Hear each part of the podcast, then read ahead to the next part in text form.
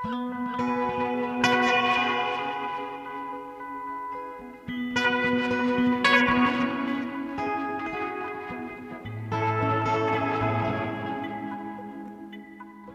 og sæl, kærlustendur.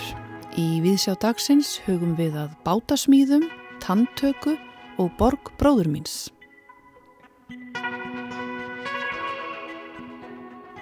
Í gær var tilkynnt að smíði og notkun súðbyrðingsins, hinn stæmigerða norræna trebáts sem fyllt hefur Norðurlandabúum um ár þúsundir, hefði eftir langa byggð verið samþygtinn á lista UNESCO um óáþreifanlegan menningarar mannkins. Að þessu tilefni tekur viðsjá hús á mönnum sem kunna til verka þegar kemur að bátasmýðum og ræðir við þá Einar Jóhann Lárusson, Nema og Hafliða Adalsteinsson, meistara um slíkar smíðar. Við ræðum einni við Þórdísi Helgadóttur, skáldkonu, en hún var nýverið tilnæmt til fjöruverluna fyrir sína fyrstu ljóðabók, Tantöku. Þórdís hefur áður gefið frá sér smásagnasafnið Keisaramörgæsir og svo er hún hluti af sveikaskáldum sem voru nýverið tilnemdar til íslensku bókmæntaverlaunana fyrir skáldsöguna Ólíu. Í spjallinu sem við Þórdís áttum í morgun saðist hún hafa á sínum tíma verið skítrætt við að taka skrefið og ákveða að verða listamæður en að það hafi svo verið uppsafnað óþól sem var til þess að hún tók skrefið til listagiðunar, heyrum meira því og tantöku hér á eftir. En við ætlum að hefja þáttin í dag á nýri bók eftir Kristínu Ómarsdóttur, Borg bróður míns. Gauti Kristmansson tekur nú við.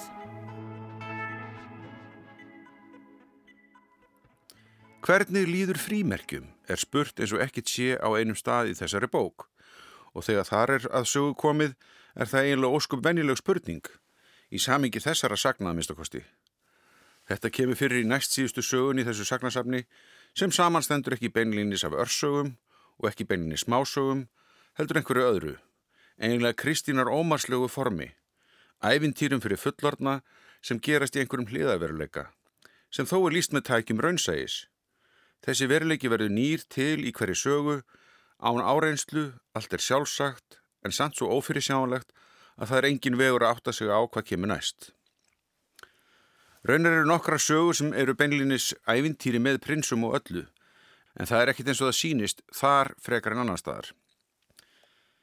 Frásaglendur í bókinni eru tæplega 60 að tölu og tengjast sumar að manni sínist.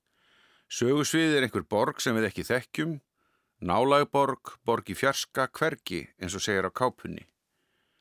Umfjöldunarefnin eru ástinn, döðin, örlögin, annarleiki tilverunar og framaröllu sorgin, harmurinn sett fram með svo surrealískum hætti að lesandin verður að hafa sig allan við. Kanski er best að lesa bókina með hljegum eða oftar en einu sinni. Frumleg beiting tungumálsins er hér líkilatriði og verður að segjast að Kristín sínir hér meistar að takta í þeim efnum. Ég nefni eitt lítið dæmi. Til utun hefst. Hún hamrar orðin og harmar orðin sem hún hefur í árana rás oftast mælt eins og að færibandi. Ósjálfrátt, hugsunalöst Orð sem bergmála það sem hún um æfina hefur heyrt og lesið. Eins og svo fyldar mei, hjarð mei, líruleikari sem hún í eðli sínu er og trú eðli sínu sem er kannski ekki eðli hennar. Til þess eins að halda uppi hjákallegum samræðum og látast friðsamlega, látast vera til, líta út fyrir að vera heilbrið og góð, taka þátt í ójöfnum leik fyrir fram töpuðum. Tilvitnum líkur. Þetta er kannski ekki svo lítið dæmi. Ein málskrein en laung með orðalegjum, endurtekningum og retoriskri byggingu sem hittir í mark. Frásagnar eru sem er hverja laustengdar og sögusvið einhvern veginn nálegt. En það er ekkit kníjandi samhengi á milli þeirra annað en umfjöldanarefni sjálf á stundumeiningus nörp persóna sem eru nánast alltaf ofunleg og einhverja þeirra koma fyrir í fleiri nefni sögu. Einnig hlutir eins og færibandið og rauðir hanskar, tárin sem koma víða fyrir og undistrykka lífsorg personuna sem einhvern veginn fælst í ómöguleika og hræstni þess sem kallað er eðlilegt líf. Dæmum þetta eru hjónin Hevill og Himnabrúður í æfintýrinu Indisfólk, þar sem öllu er snúið við sem tilherir æfintýri. Sagan segi fyrst frá hamingjöðura, síðan krísu og endur á grimmilega írónískri laust. Sumasagnana eru beinlistengdar, eins og til dæmis leitað dýbri, nýri öðruvísi merkingu og lofthelgin. Sögur sem snúast um tvö pör í nákvæmnahúsum borgarinnar óræðu. Úr eldhúsglukka kvossum sig má sjá innum hinn og upplifi hrottlegjandi borgarlegar ástir á heimilum þar sem allt á að veri lægi en er það ekki, eins og hjá Bruno og Júliu þar sem hún finnur fyrir þunga rútinunnar og segir í óróa sínum til utan hefst, frekar skildi ástin kost okkur lífið Bruno. Ég skildi ekki ásti mín, rópaði Bruno, en Júlia hendi sér í fangans og kvíslaði eirað hans Skilningur hefst á óskiljanleika, til auðvitað líkur. Tólkunafræðingurinn Frídrik Slægermakar hefði geta orðaða betur. Nágrannu hjónin reynir Frans og Móna Lísa koma fyrir í lokin á sögunni og renna viðstöðulust inn í þá síðari og virðast þau líta á sig sem eitthvað betur en þau Júli og Bruno en vitanlega er fiskur undir steini. Eftir að hafa sleið Mónu Lísu byggist reynir Frans fyrirgefningar og hugsa sér síðan að leita til vændiskonu daginn eftir. Mónu Lísa er skemmt. Til undir hefst, drivkraftur kynkvatar er harmur, hugsaði hún, en breytti strax um skoðun, drivkraftur kynkvatar er hatur. Til undir líkur. Svo mörg eru þau orð, en ástin er eins og áður sagði eitt af megin þemum bókarinnar. Kynlífi margvíslegum myndum, gagn og samkynnnegt, kynnsegin, það er þó ekki aðaladrið en sprengjur upp frásagnir með óvendum hætti hér og þar. Ástin sjálf er hins vegar oft æði kalt hæðina meðferð eins og í þremur sögum, nánast ljóðum, sem allar byrja á heitinu Söngur. Svo fyrsta Söngur Kals sem satt við eldhúsgluggan í rekkápu með gítar, frá sjónarhóli Kals sem er í sárum að þér virðist, fullur fyrirlitningar og söknuða til konu sem farin er frá honum. Átökinu millir ástar og haturs mynda ljóðræna spennu af gremju og þrá. Söngu Karls er lág í sofa á villirósa heimili með gítar hljóða síðan talsvert öðruvísi. Er þetta sami Karl? Við vitum það ekki. En ástarjáttningin er heit. Íronían fælst í viðurkenningu hans á vanþróska sínum sem snýst upp í ásökun. Samt segist hann elska hann að eilífu. Ástinn tvíekjuð hér eins og í mörgum öðrum sagnana. Söngustúlku með gítar er hins vegar einlagt ljóð við fyrstu sín. Kanski næft að einhverju leiti en ljóðmalandunum, stúlkunni, finnst hún elskuð þrátt fyrir galla sína. Vekiljóðu hugljúar ef ekki væmnar tilfinningar í brjóstum lesenda er síðan gengið frá þeim í næsta teksta, samblöndu af frásungna ljóði sem heitir Hún með stórum stöfum. Það er þó ekki allt löðrandi af kaltæðinni þegar kemur að ástinni og kynlífinu, eins og í sögunni þar sem Sindra og Fanni elskast eins og frímerki. Eða þeim líður eins og frímerkjum með er elskast. Hvernig líður frímerkjum? Til utnum líkur. Sagar endur á því að vestlunarjandin sem þær stöllur kaupa frímerkin sín hjá, hún Holmar Símon, fer heim og þar, tilvittunefst, flóar ást ástarinnar ástinni mjölk í potti, tilvitun líkur. Að mörgu fleiri er að taki þessu nýjasta verki Kristinn Rómastóttur, auðvitað er ekki allt jafn gott og það besta þegar svo margar sögur eru undir, en það er óhætt að segja að surrealískur frásagnarkraftur og frumleg beiting tungumálsins í borg bróðumins sé hreint ævintýri fyrir lesendur. Sagði Gauti Krismansson um borg bróður míns eftir Kristínu Ómarsdóttur. En þá ætlum við að fylgja Guðna inn á verkstæði í heimsók til bátasmiða. Í gær var nefnilega tilkynnt að smíði og notkun súðbyrðingsins, hins dæmigerða Norræna Trebáts, hefði eftir langa byggð verið samþygtin á lista UNESCO yfir óáþreifanlegan menningararf Guðni fór í heimsókn í gær til manna sem að kunnati verka þegar kemur að þessum smíðum þeirra Einars Jóhanns Lárussonar og Hafliða Aðalstinssonar.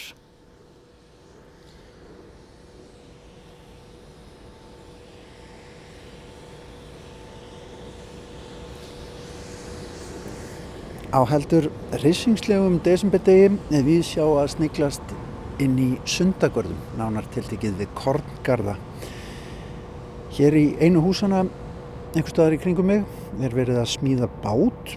Við ætlum að huga þeirri smíð. Því að norræni trefbáturinn, súðbyrðingurinn, sem að fyllt hefur Norðurlandabúum um árþúsundir, er núna við það að eh, detta inn á lista UNESCO, menningarmála stofnunar saminuðu þjóðana, yfir menningar erðir mannkins. En Ég veit að því að hér í einu húsana við Kortgarða er verið að smíða slíkan grip. Ég ætla að hitta tvo menn, þeir heita Hafliði og Einar Þeir ætla að segja mér frá hvernig það er að smíða súlbyrðingin.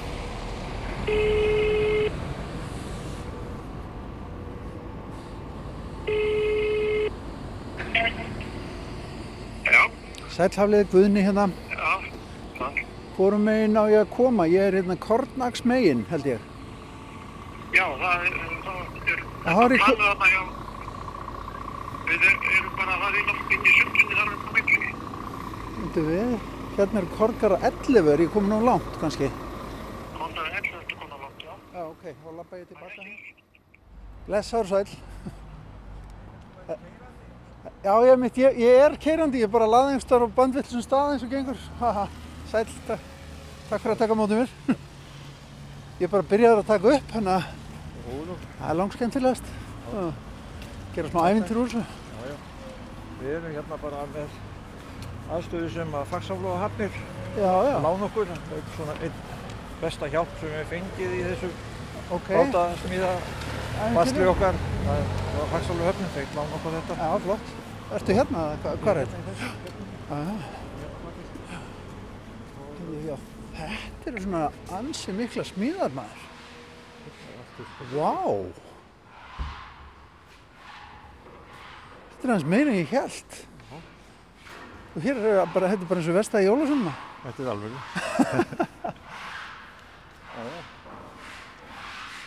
Þetta sem við gerum við gamla á. Hvað segir, hva, segðu mér næst, hva, hvaða starf sem er fyrir fram, hér fram? Þetta er bara við þrýr hérna bastlaði að gera við gamla báta. Og hverjir eru mennin? Ég heiti Hafliði og er ættar úr Breiðafyrði og þar eru allir með báta. Já. Lærði að smíða þar. Edgert fjöldegi, hann er sjómaður á Pattursfyrði og, og kemur hinga á Vettnar alltaf, eða býr hérna fyrir sunnan Vettnar og er að smíða með mér. Og Einar Lárusson er hérna á hinn endanum, er að læra.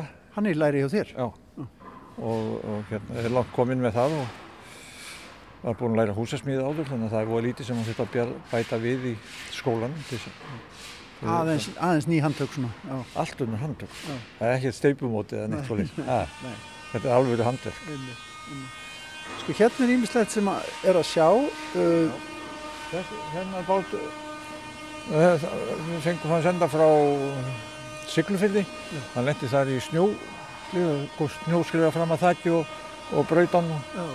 maður gera við hann og það er alltaf þegar það farir eiga við þetta, þá bætist alltaf við. Það er komið mikið meira en það sem brotnaði, sko. En, en þetta er bátur sem er ekkert mjög gammal, 70 og eitthvað smíðar í Hafnafjörði. Þennan gerðum við upp í fyrravettur næstu leiti og gerðum, uh, já, við erum búin að taka þennan svona í áfengum aðeins. Þetta er smíður stikkshólmi og verður þar bara ekkert mjög gammal en svona típiskur svona vélbátur úr breiðafyrðinu. Mjög gott eindak. Við þurfum að ræða þetta nánar. Hvaða hérna, bara svo ég viti að, hvaða hljóð var þetta? Þetta er hann Agnar. Já, ef maður byrja hann um að fá sér kaffi Já. í smástund. Þetta er svo, svo þetta er, til, þetta er allt í lagi í smástund en síðan til lengdar þá er þetta mitt. En haflega ég er komin í heimsótt til ykkar út af fyrirbæri sem heitir súðbyrðingur og það, ég var að segja þetta einmitt hérna í vinnunni og var að tala um að þetta væri merkilegt og súðbyrðingur, þetta er erfitt, erfitt orð. Við erum að horfa á þetta slíkan hér.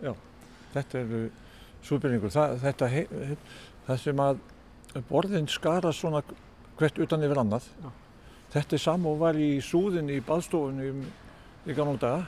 Já, og þaðan er klær- Já, já, hvort er undan veit ég ekki. En, en þetta er sama aðferðin. Já, já. Nefn að þarna eru spýturinn náttúrulega bóknar og feldar að. Þetta voru beinar á sperrunum og, og skaraðar þannig og þetta var kallaði verðindi súð. Þegar þetta kemur svona utan yfir hvert annað sko. Akkurat. Þetta er fallið smíð.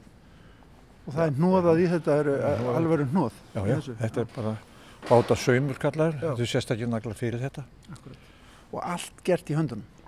Já, já, við náttúrulega erum með bandsög og sögum það sem er bóið og við erum með þyktarhefil til þess að fá jafn þykt. En það er mikið handverk, þetta er þessar beigjur allar, þetta er allt heflað svo með, með handheflum og En þetta er bátur sem þið eruð að gera upp. já.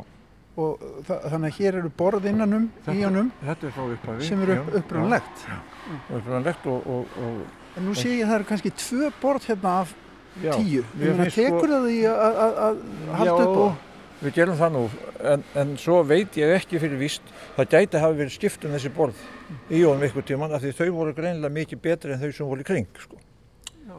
Þannig, að- þannig að mér finnst það kannski líklegt, en það, en það á móti kemur að þau eru einsbyggja megin og þegar þetta er smíða nýtt, þá smíða maður alltaf sett, tvö eins, setur sikkur á megin og það segir mér nú að þetta sé frá upphafi það er bara verið betra efni, af því þau eru alveg eins. Hvaðan kemur þessi bátur? Stíksólmi. Hann er smíðar þar, ég held 72, eitthvað svoleiðis og var svo fyrsti bátur, var í Sandgerði á tíðanbili og, og svo bilaði hann og fór upp í fjölu og, og blotnaði og það voru svona þeim sem þóttu vænt um þetta, þeir tók hann að sér. Hann á þetta, hann, hann, hann hérna, sem á Skipavík Stíksólmi.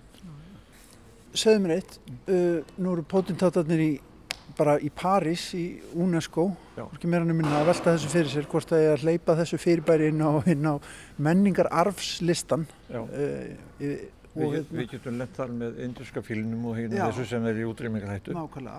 Sko er þetta í er, erum við að tala um það að þetta sé nánast í verkþekking sem er í útrýmingar hægt plast, plastbátarnir eru teknir við þessum, þessum stærða bátum alveg. Og það er bara verið að halda þessu, það er á nokkru stöðum á öllum Norrlöndunum verið að, að, að smíða svona. En þetta er ekki ekki stór atvinnu og lengur sko og, og plastbátarnir hafa tekið þetta yfir. En samt er aukningi verið, við sagði í Noregi að það er aukningi í því að menn er að fá svona við litla við sumabústæðina við vötnin og, og eins á Finnlandi þeir menn er að, svolítið að, að sækja þetta aftur sko. Sumir segja að þetta sé, hægir sér öðruvís en plastbátarnir og, og við trúum því. En er einhver að gera það hér á Íslandi? Að sæki það að eignast svona bát og láta smíðan fyrir sig frá grunni? Það er bara, þetta eru nokkur, við erum reynda búin að smíða nýja örfáa og við höfum verið að halda námskeið í þessu og hefur það verið að smíða og smátt og smátt sko.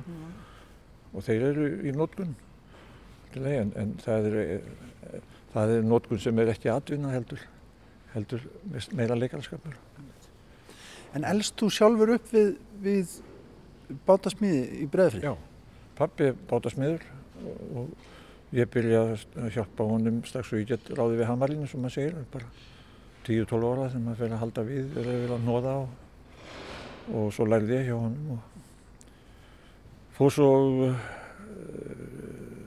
þegar ég fyrir svo að vinna sjálfstætt þá eru plastið að taka við og ég fór ekkert í það neitt.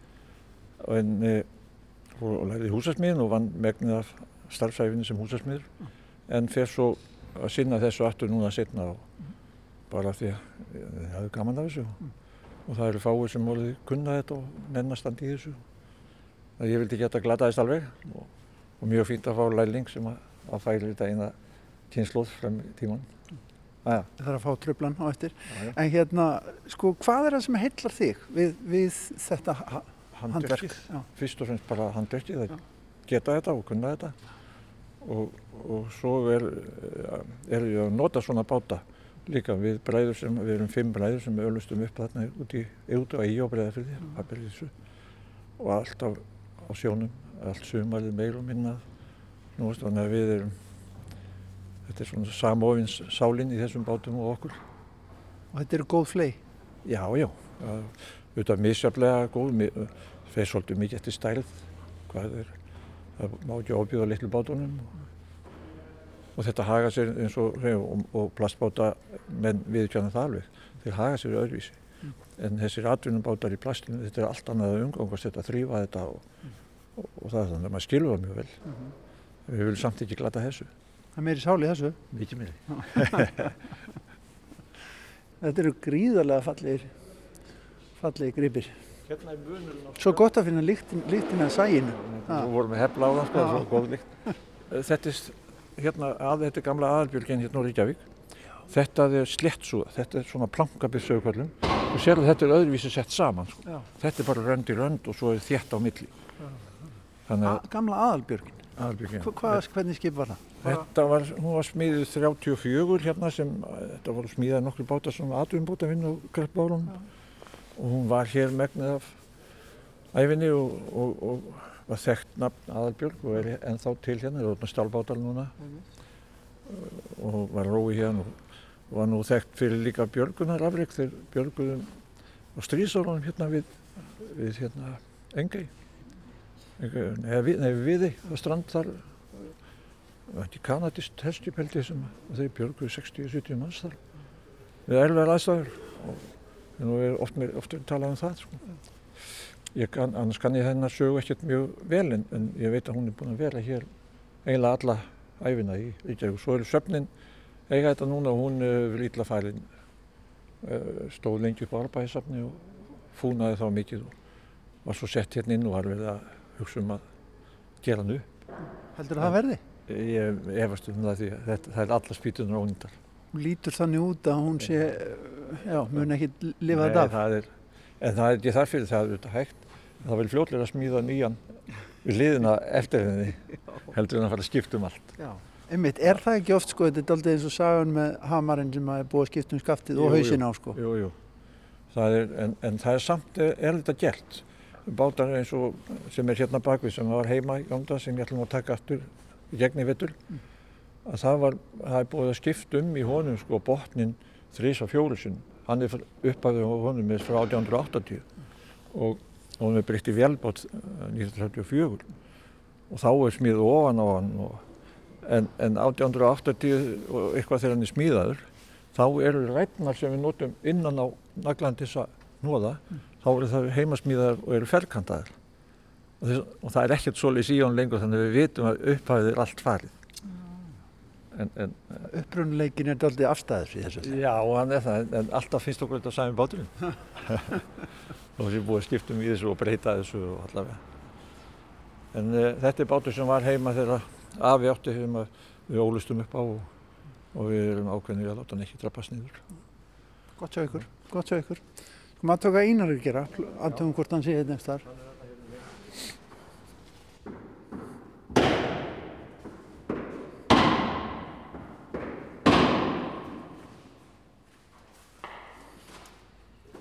Má ég trubla vinnandi menn, afsakið, má ég trubla ykkur aðeins? Einar, þú ert að eðna, læra þetta, eða ekki? Jú. Er, er, rétt hjá mér? Há rétt. Hvernig kemur það til? Akkur, akkur ferðu að læra þetta, ungu maður? Uh, ég veit það ekki alveg. Það er bara, ég hef alltaf haft áhuga á gamlum hlutum og einhver ástæði bara að voru bátar sem varð fyrir valuna að ég ákvaði að læra. Og líka ég, já, langaði að degja út þetta handbrakt á Íslandi. Ertu alveg upp við sjó? Já, alveg upp í Breðaföri, eða við Stíkisón. Það eru breyðfinningarnir sem að, e, að halda þessu upp ykkur. Það er greinilegt sko. Það er eitthvað í sjónum í Breðaföri, greinilega sem lætur mann að hafa áhuga á bátum. Já hvernig hérna, varst þú þá á einhverjum, einhverjum slíkum bátum sem, sem gutti? Eh, nei, ég hef ekki farið um borð, ég hef ekki silt á trippið um bát síðan hvað 99, þannig að ég get ekki sagt að ég hef miklu þannig reynslu, en það var alltaf gammal bátur inn í hlöðu heimaða mér, þannig ég hafði áhuga á honum og síðan var maður að grásleipið með pappa, síðan var maður krakki og þá úlst maður uppi þarna þessa menningu og stemmingu í kringum þetta allt. Segð mér aðeins hvað þú ætti að gera hérna. Þetta er bátur sem heitir Baldur Bjarnar og þú ert að, þú, þú ert búin að, hvað ert að gera? Getur þú líst þessu fyrir hlustandi? Sko, í augnaflikinu erum við komin á þann stað að við erum að setja millikabli í byrðingin. Þannig að við erum búin að klæða út í stefnin báðum einn. Þannig að, já, ég er bara að reyna að koma honum inn í sem er oft aldrei vesen út af að á maður að þræða hann undir borð sem er fyrir ofan og komið sér inn á milli eða ég vil ekki segja að það sé erfaðara heldur en að komið sér upp á stefnuna það er bara svona aðeins öðruvísi Þú veist að lemja þetta á hann eða það var, var allavega einhver, einhver hávað í ykkur? Hva, hvað er það? Heyrðu, ég var að fá bara borðið aftar. Já, þannig að það passi aftar, inn í bútin sem ég er að koma inn í.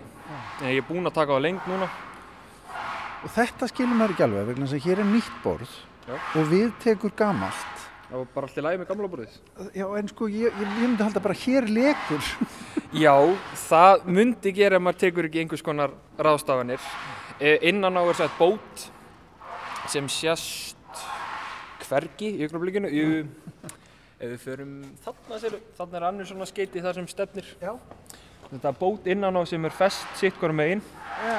sem heitir klampi. Ok.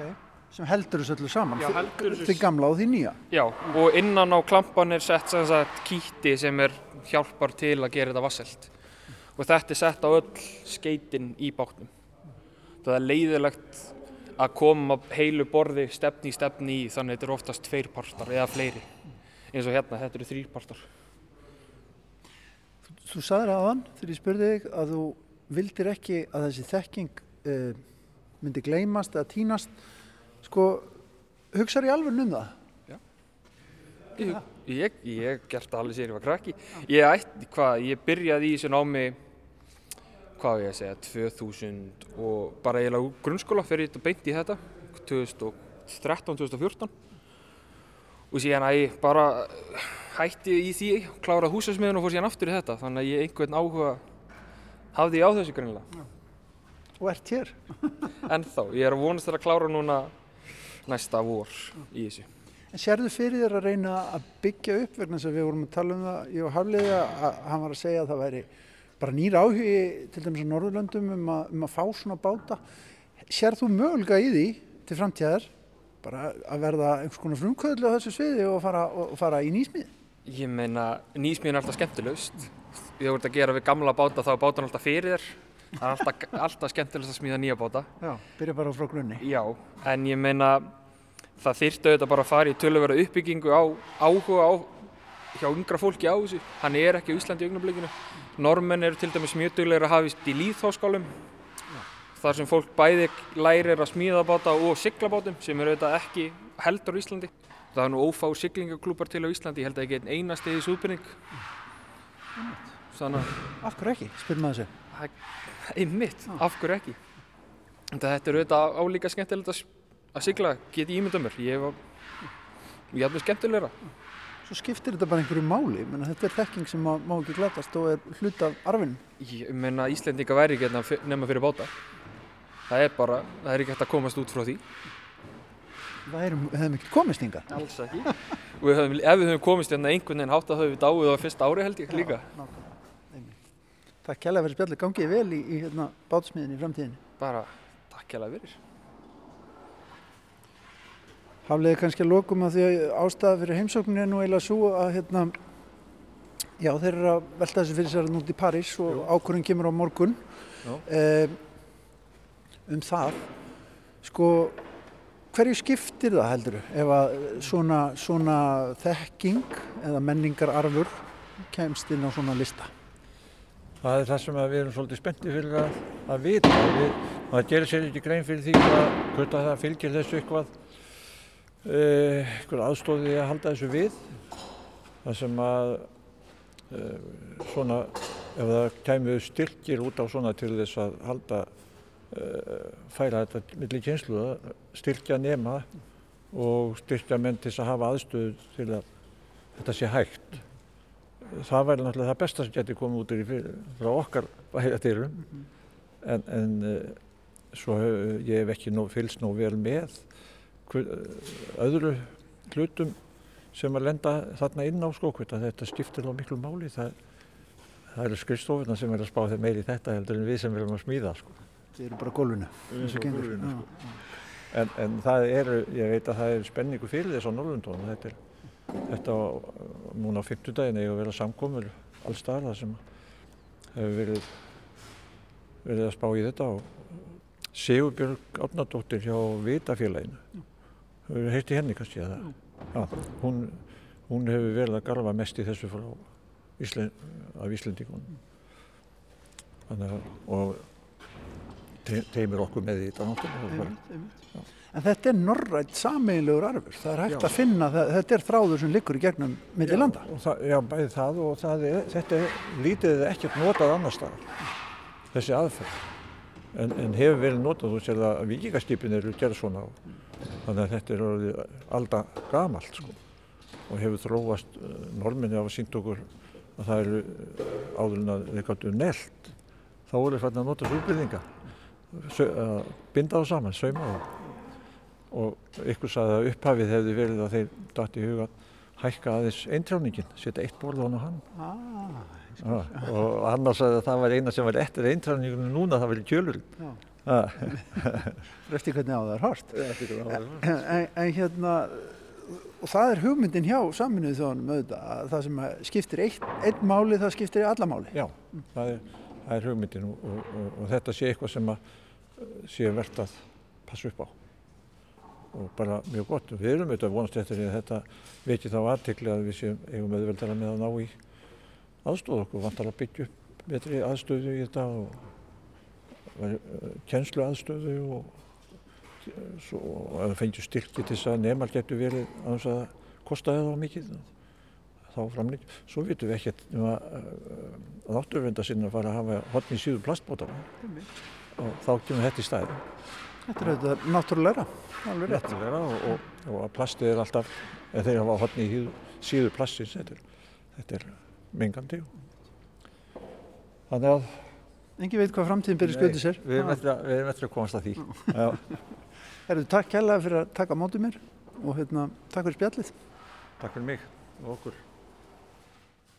Og það var auðvitað Guðnið sem að rætti þarna við bátasmiðina Einar Jóhann Lárusson og Hafliða Aðalsteinsson um allt sem að við kemur bátasmíðum. En úr trésmíði förum við yfir í orðasmíði. Þórdís Helgadóttir var nýverið tilnæmt til fjöruverluna fyrir sína fyrstu ljóðabók, Tanntöku. Þórdís hefur áður gefið frá sér smásagnasafnið Keisaramörgæsir og hún hluti af svikaskáldum sem voru nýverið tilnemdar til íslensku bókmentaverlaunana fyrir skáldsuguna Ólíu. Þórdís leitt hér við í morgun og hóf heimsóknin á því að lesa eitt stykki ljóð. Tíðir Í lífi hverjar konu eru að minnstakosti þrjár reikugar götur. Síðan eru það aðrar götur, tómlegar eins og þessi sem við göngum eftir núna í glimrandi kvöldsólinni þegar skuggarnir eru langir og kaldir. Í gömlu tempurhúsi skildi ég eftir pissublautan staut undir pappirsvöndli í ruslafötunni. Það er vor og ég ætla ekki að sleppa burt blóðdrópa framar. En það var sumar þegar ég vaknaði í húsi úr köldum, flísum og lærin voru límt saman með rauðu. Það var hádegi þegar ég gekk upp á hæðina til að komast að kirkjunni. Ég beigð ósegur í reykugum vegarkanti og þurfti að læra að anda upp á nýtt. Það ringdi þegar við komum slags til Delfi. Á leiðinni niður fjallið með axlirnar brendar mætum við manni með astna. Þetta sumar héttu íspinnarnir eftir dauðasindunum og ég var að borða öfund þegar blóðdröpin fjall í rikið. Það er einn gata enn, en ég hugsa helst ekki um hana. Núna er ég að brugga dálitið í blóðinu og býð eftir kaldasta vetrinum. Þá ætla ég að sprengja upp heiminn, fyrst með kvelli, síðan kjökri, sjá hann koma út úr mér og kvíslast. Takk fyrir þennan lestur á ljóðinu Tíðir, Þordís Helgadóttir, skáldkona og velkomin í Vísjá. Takk fyrir, takk fyrir að bjóða mér. Ef ekki bara byrjaði að tala eins um þetta ljóð, getur Já. sagt mér aðeins frá því, hvaðan það kemur? Um, þetta er eitt af eldstu ljóðunum í bókinni. Ég skrifaði þetta um, í náminu þegar ég var í, í reyðlist, mestarinámi og um, já, hvað maður segja, það er svona, þetta er svona, er svona hýperkvennlegt eitthvað, þetta er hérna meðgangan og, og hérna blæðingarnar og bara einhvern veginn svona lífið. Það er svo margt svona í þessu líkamlega sem ég upplifa einhvern veginn á svona, svo, svona existensialskan hátt einhvern veginn um, sem fær ofta ekkert þannig meðferð skilur eins og bara veist, meðganga fæðing og eitthvað. Og hérna þannig ég er að skrifa einhvern veginn um þá upplifin í þessu ljóði og fleirum ekki öllum í bókinni en, en víða svona hérna já, bara svona til, tilvistar spurningarnar í hérna sem að kvikna í þessu líkamlega. Ég upplifið það eitthvað svo stert sjálf og, og fleiri, veit ég, konur. Þannig að þetta er svona efni sem er mjög gaman að, gaman að vinna með. Mm -hmm. Og eins og segir efni sem að kannski hefur ekkert verið unnið svo mikið með.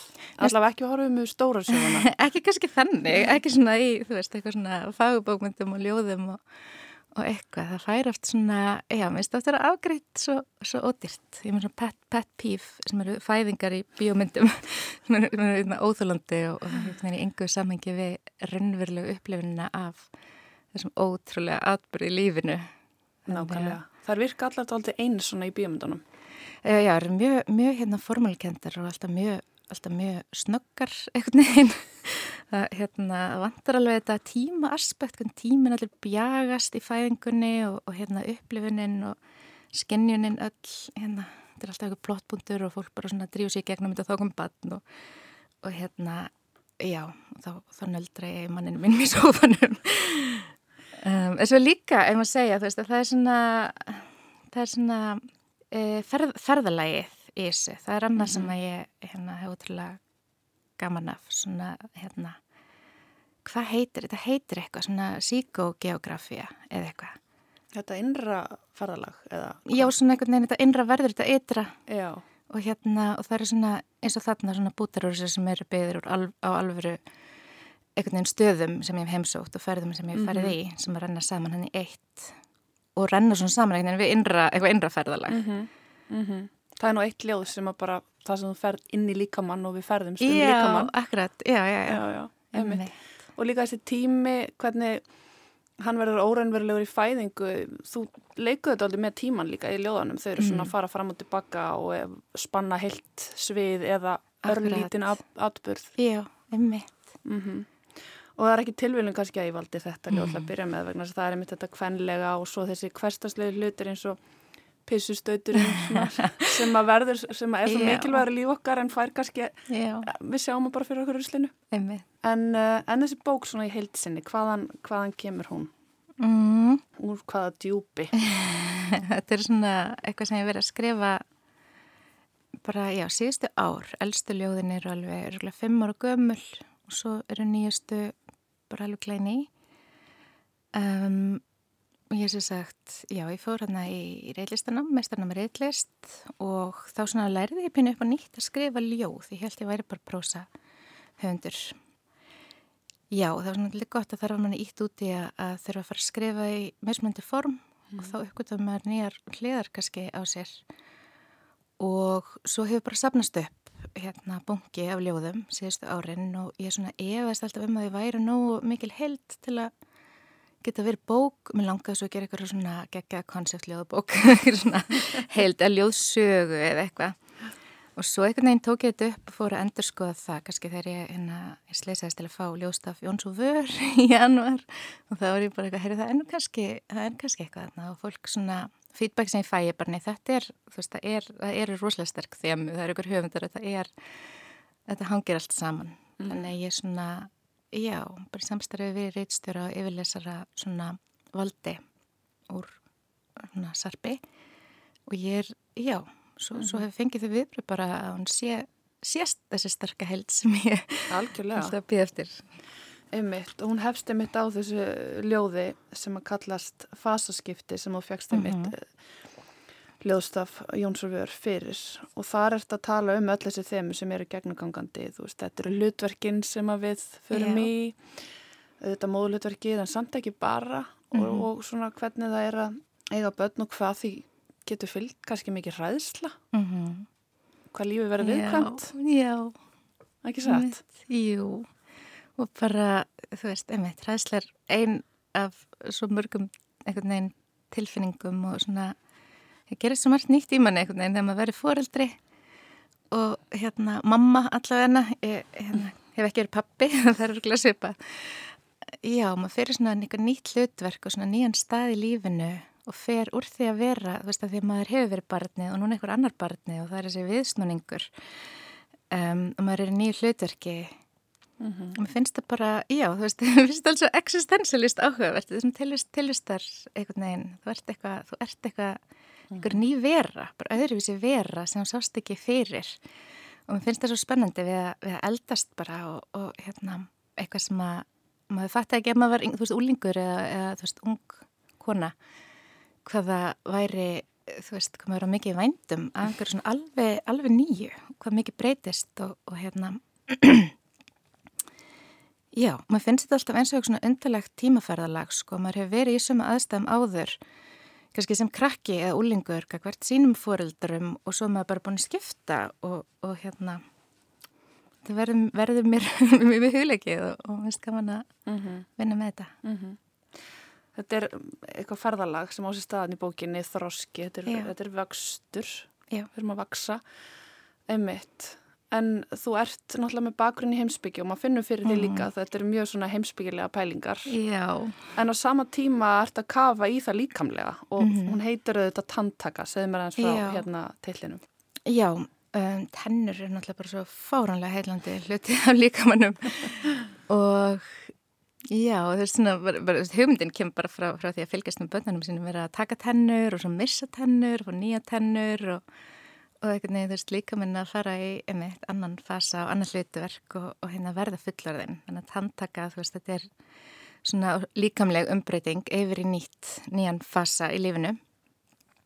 Um, og þetta er svona einhverja svona aðröndin eitthvað myndkverðing líka bara yfir það að uh, fullorðnast og hérna taka út eitthvað þroska og, og hérna fá þú veist verkfæri því að, að því að það er sko með tennur þá getur bitið og, og hérna gert, ímislegt þannig að hörðu, hörðu partarnir af, af líkamannum mm -hmm. hvernig maður notar þá þetta er eitthvað svona, skí, skí af merkingu í kringum það Já hljómar svona hálf súralist þegar þú lýsir þessu svona Þetta er svona ferli sem maður kannski bara pælir ekkert alveg í en er algjörlega magnað. Þetta er stórfenglegt sko.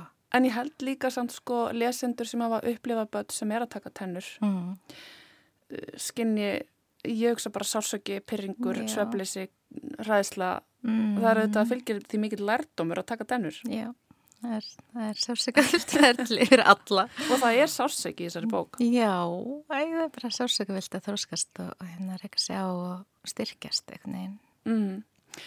Þú sagði ráðan að hérna að þú hefur lært að í reillistinni hvernig þú ættir að skrifa ljóð og mm. fundið eitthvað aðra vinnu aðferð segð mér aðeins frá því. Sko, já, ég er náttúrulega eins og segði með hennan bakgrunn í heimsbyggi og ég var alltaf í, sem sagt, svona raukgreiningar heimsbyggi í svona rosalega analytisku hérna, aðferðum eitthvað neginn og fann mig óslega mikið í því og ég fór mér sér doktorsnám til Ameríku sem þetta kláraði ekki en hérna það er svona stert í mér þetta analytiska um, og það, það var alltaf svolítið svona, svolítið svona þröskuldur sko. það var líka eitthvað svona hræðsla þú er ekki að, þú veist, bara einhvern veginn vera listamæðurinn og sleppa og afhjúpa sig og, mm.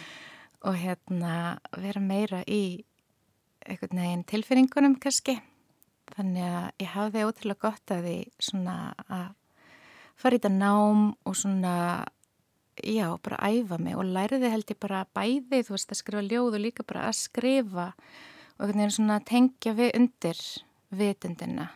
Mm. þannig held þú veist einhvern veginn sem bara höfundur og ljóðskald þú veist ég held ég hafa alveg bæði og svona svo finnir maður eitthvað aðferð að láta þetta vinna saman. Þannig ég skrif oft þú veist eru ljóð bara í nokkrum þrepum þú veist að það, maður þarf bara svona sleppa öllu sleppa alveg hugsuninni og bara kafa í undirvitundina sem ég þarf alveg svolítið að hafa fyrir stilla minn á það og bara svona leiði eitthvað að koma mm. og síðan og síðan tekur einhvern veginn svona hitt við og maður svona setur struktúr á það og, og svona vinnur það áfram Snýst kannski þetta aldrei þá um að svona þjálfa innsæið og, og leifa sleppa hans tökunum á orðaukvöksun Já, algjörlega, maður mm. þarf að gera það mm -hmm. Það er mjög mikilvægt En talandum að affjúpa sig, hvernig tilfinningan er það? Ég talaði síðast við fyrir hvað, tveimur eða þreimur ánum held ég mm. að það varst að mhm. gefa út smásagnarsap. Yeah. Er öðruvís að gefa út ljóð? Er þetta um, affjúpa þig meira eða það eru að kafa svona í innsæði eða hvernig virkar þetta? Já, já, mér finnst það svolítið meira, meira affjúpandi. Ekkert endilega kannski út af því að ég sé eitthvað svona þú veist, ég er ekki beint eitthvað svona, þú veist, confessional ljóðskáld sem er einhvern veginn að setja mína, þú veist, ofslega prívat upplifun veist, endilega í forgrunn, þú veist, þóttum að sé alltaf að skrifa náttúrulega um sjálfan sig. En maður getur svona falið sér pínu ef maður er að skrifa sögur, þú veist, á bakvið hérna, personur og plott og eitthvað neginn, það er svolítið, það er svolítið mm -hmm. fjær svolítið fjármanni þannig að ég held að ég hefði ekki kannski þá verið tilbúin að senda fram í ljóðbók og svo núna er maður aðeins sjóaður eitthvað neginn og, og mm -hmm. þá mér finnst það ekki erfitt núna, mér finnst það ótrúlega, ótrúlega gaman sko en maður er búin að þurfa að vennjast svona smá eitthvað neina sér afhjöpun í þrepum, eins og ég segi þú veist ég var bara skítrættu að vera listamæður yfir leitt, ég bara að vera svona draumur sem bara þorði ekkert að láta rætast fyrir en bara eftir þrítugt sko. Já, var það eitthvað sérstatt sem að hjálpa þér við að taka þessu ákvörðun eða var það bara þróskil? Ég, ég veit að ég er bara svona uppsapna óþól held ég. Að hérna, maður finnur að maður er ekki að gera það sem maður langar að gera. Og ég fann að finna svona pyrring þegar ég las kannski viðtöl við listamenn. Ég var auðvitað svona fúl. Bara eitthvað já, já, þú veist, þessi getur bara verið þú veist, eitthvað leika í leikhúsi og bara tala um hvað það er æðislegt. Og svo er bara af hverju er ég svona pyrruð þú veist, og þá var þetta náttúrulega sem mér langaði að gera og ég bara abbó, sko þannig að þá svona kvekti á pyrrinu og bara neytur eitthvað sem ég þarf að rækta líka Sko fleirin eitt gaggrindi hafur sagt uh, bókin að vera ekki auðvelda aflestrar mm. en að það komi þó ekki að sög að því að þú hafið svo gott vald á tungumálinu og það sé hægt að fara svona fram og tilbaka í ljóðunum og ég er aldrei sammála þessu mm -hmm. þú veist, þú mhm. lest hann ekki einu rikk og hún er ekki mm -hmm. auðskilinn til að byrja með -hmm. en það gefur henni samt eitthvað mikið og ég er bara búin að vera svona smjattat aldrei á henni, fara fram og tilbaka. Ævi og hérna, já, ég er bara sammála þessu. En uh, hvað segir þú um það? Hún sé ekki auðveld aflestrar. Já, ég bara, ég bara játa. Þú er bara sammála. Já, eða sko, ég veit ekki ég hef líka heyrt frá mörgum að hún sé svona kannski þurfum að þá bara meira upplifana, þú veist, einhvern veginn stæðan fyrir henni skiljana mm -hmm. sem að kannski, það er alveg eitthvað til í því. En ég held líka að hún sé svona uh, þú veist, þú getur alveg skilið, hún kannski kallar á nokkra lestra um og ég, þú veist, gefst svolítið bara upp fyrir þessu, þú veist, ég þarf bara að skrifa þessu skrifa mm -hmm. og kannski líka, þú veist, mín áhrifavaldar sumir eru líka kannski pínu svona skáld sem að maður þarf að lesa nokkur sinnum og maður einhvern veginn svona osmosar það inn í sig og, og, og hérna verður einhver liti fyrir áhrifum. Hver eru þínar áhrifavaldar? Uh, eins og núna þá er ég að hugsa um bara þess að um, það sem hefur kannski haft sterkust áhrif með undarfarnar eru svona um, útlendingar. Kavi Akbar eh, bandarist skáld uh, upprænlega frá Íran og hérna Ilja Kaminski sem bandarist skáld upprænlega frá Úkrænu um, Óslarhefin af skáldi sem heitir Keimin Chang amerisk skáld upprænlega frá Kína um, þannig að ég lesa eitthvað svona innflytjandur inn í Ameríku mm -hmm. hérna Áhugavert. Ekki viljandi, en já, sem er eitthvað svona djúsi og maður rekst á eitthvað, maður skil bara helmingin og svo kafa maður dýbra og, og hérna, fæ, ég fæ svo mikið út úr þessu sjálf eitthvað sem lesandi. Þannig að, mm -hmm. já. Að lókum, Þordís, uh, má ég byrja með að lesa eitt í viðbót? Já. Mér dætt í hug hérna Lílít. Mm. Plassu 51. Eða enda þar? Já. Endum að Lilith. Lilith. Tvíburasistir ekkjabóndans vakir á nóttunni. Hún er laus við framistöðu kvíða enda sjóaður höfundur. Skrifar sábjóperur með surrealískum blæ og erotíska spennutrilla undir dölnefni. Um fjögurleitið fer hún út í síkó og heitir hinnar. Þær hanga í júninóttinni og fylla upp í heiminin, tvíburasistur allra. Mata hver aðra á sultu úr litlum glerkrukkum og sleikja morgunróðan úr munvikunum. Þá allt í einu er tíkin sloppin, farin að gera allt vittlust í æðarvarpinu. Engur líkara en einhver hafi vísvitandi gefið henni að geta eftir miðnætti.